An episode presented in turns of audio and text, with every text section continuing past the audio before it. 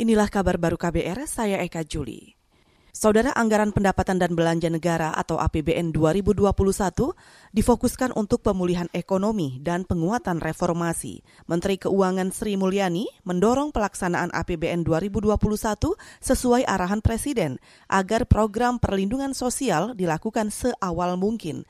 Begitu juga dengan belanja modal kementerian dan lembaga agar diproses segera sebelum APBN tahun depan dimulai. Tahun depan kita akan membelanjakan 2.750 triliun. Untuk bidang pendidikan mencapai 550 triliun. Ini adalah alokasi untuk fungsi yang terbesar, 20% dari APBN. Untuk kesehatan 169,7 triliun, Perlinsos 408,8 triliun, untuk infrastruktur akan meningkat kembali ke 417 triliun, untuk bidang ketahanan pangan 99 triliun, pariwisata 14,2 triliun, Menteri Keuangan Sri Mulyani mengatakan daftar isian pelaksanaan anggaran atau DIPA 2021 diserahkan pada 25 November.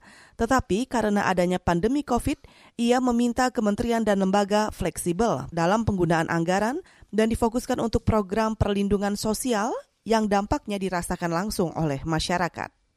Saudara jumlah kunjungan wisatawan mancanegara ke Indonesia Oktober 2020 mengalami penurunan drastis. Deputi Bidang Statistik Distribusi dan Jasa Badan Pusat Statistik atau BPS Setianto menyatakan terjadi penurunan wisatawan mancanegara sebesar 80 persen lebih dibanding tahun lalu.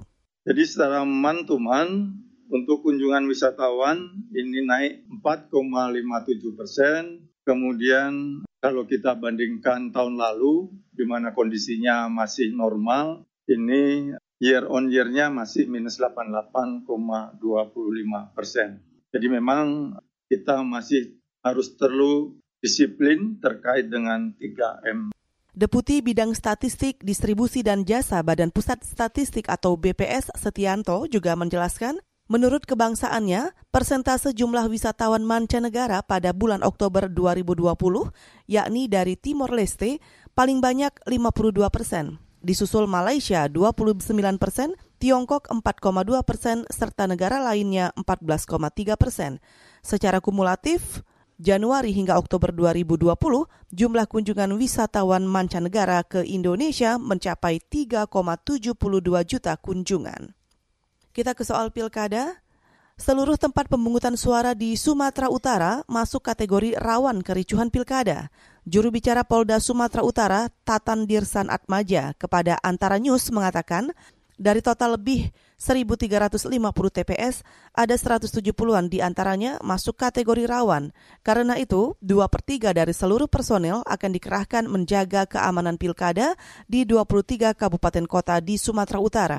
Sementara itu di Maluku Utara, Badan Pengawas Pemilu sempat mengingatkan tiga aspek dalam pengawasan, yakni kesiapan pembentukan TPS, pemungutan suara, dan pasca pemungutan suara. Ketua Bawaslu Maluku Utara, Muksin Amrin mengingatkan, pembuatan TPS harus memperhatikan protokol kesehatan, yakni minimal harus ada dua TPS sehingga tidak terjadi kerumunan massa.